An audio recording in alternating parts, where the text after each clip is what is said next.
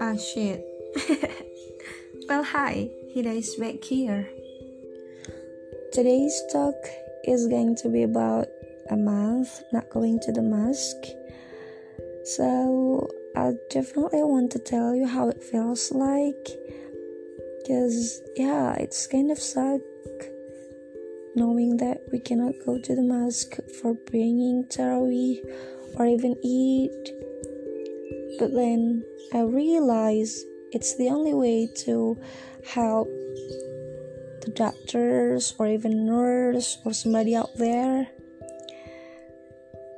We don't know that we may be a career or get infected by the corona now right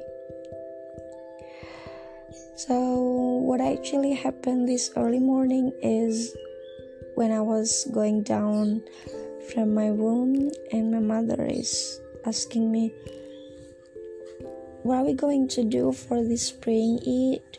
Are we going to the mosque or how? She asked. And sure, I answer, No, ma'am. I'll be staying at home and not going to the mosque. And she said, So would you please be imam for this praying Eid? And yeah it takes me a long time to answer but then I'll say yes I do. I have no experience in being imam of praying Eid of course but it's going to be my first to be the imam of this praying Eid and I've been searching a lot how to be the imam then how to hold a prayer Eid and so on. It's actually confusing because I just take I just get a theory from my Islamic boarding school but never once I practice it. So it's going to be challenging, of course.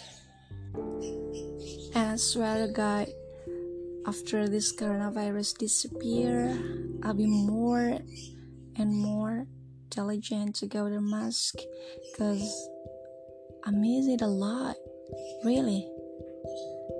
Nothing is sadder than knowing that this corona takes this much long time and we got trapped by this quarantine. So i assure myself to be such kinder and better person after and hope you guys doing so.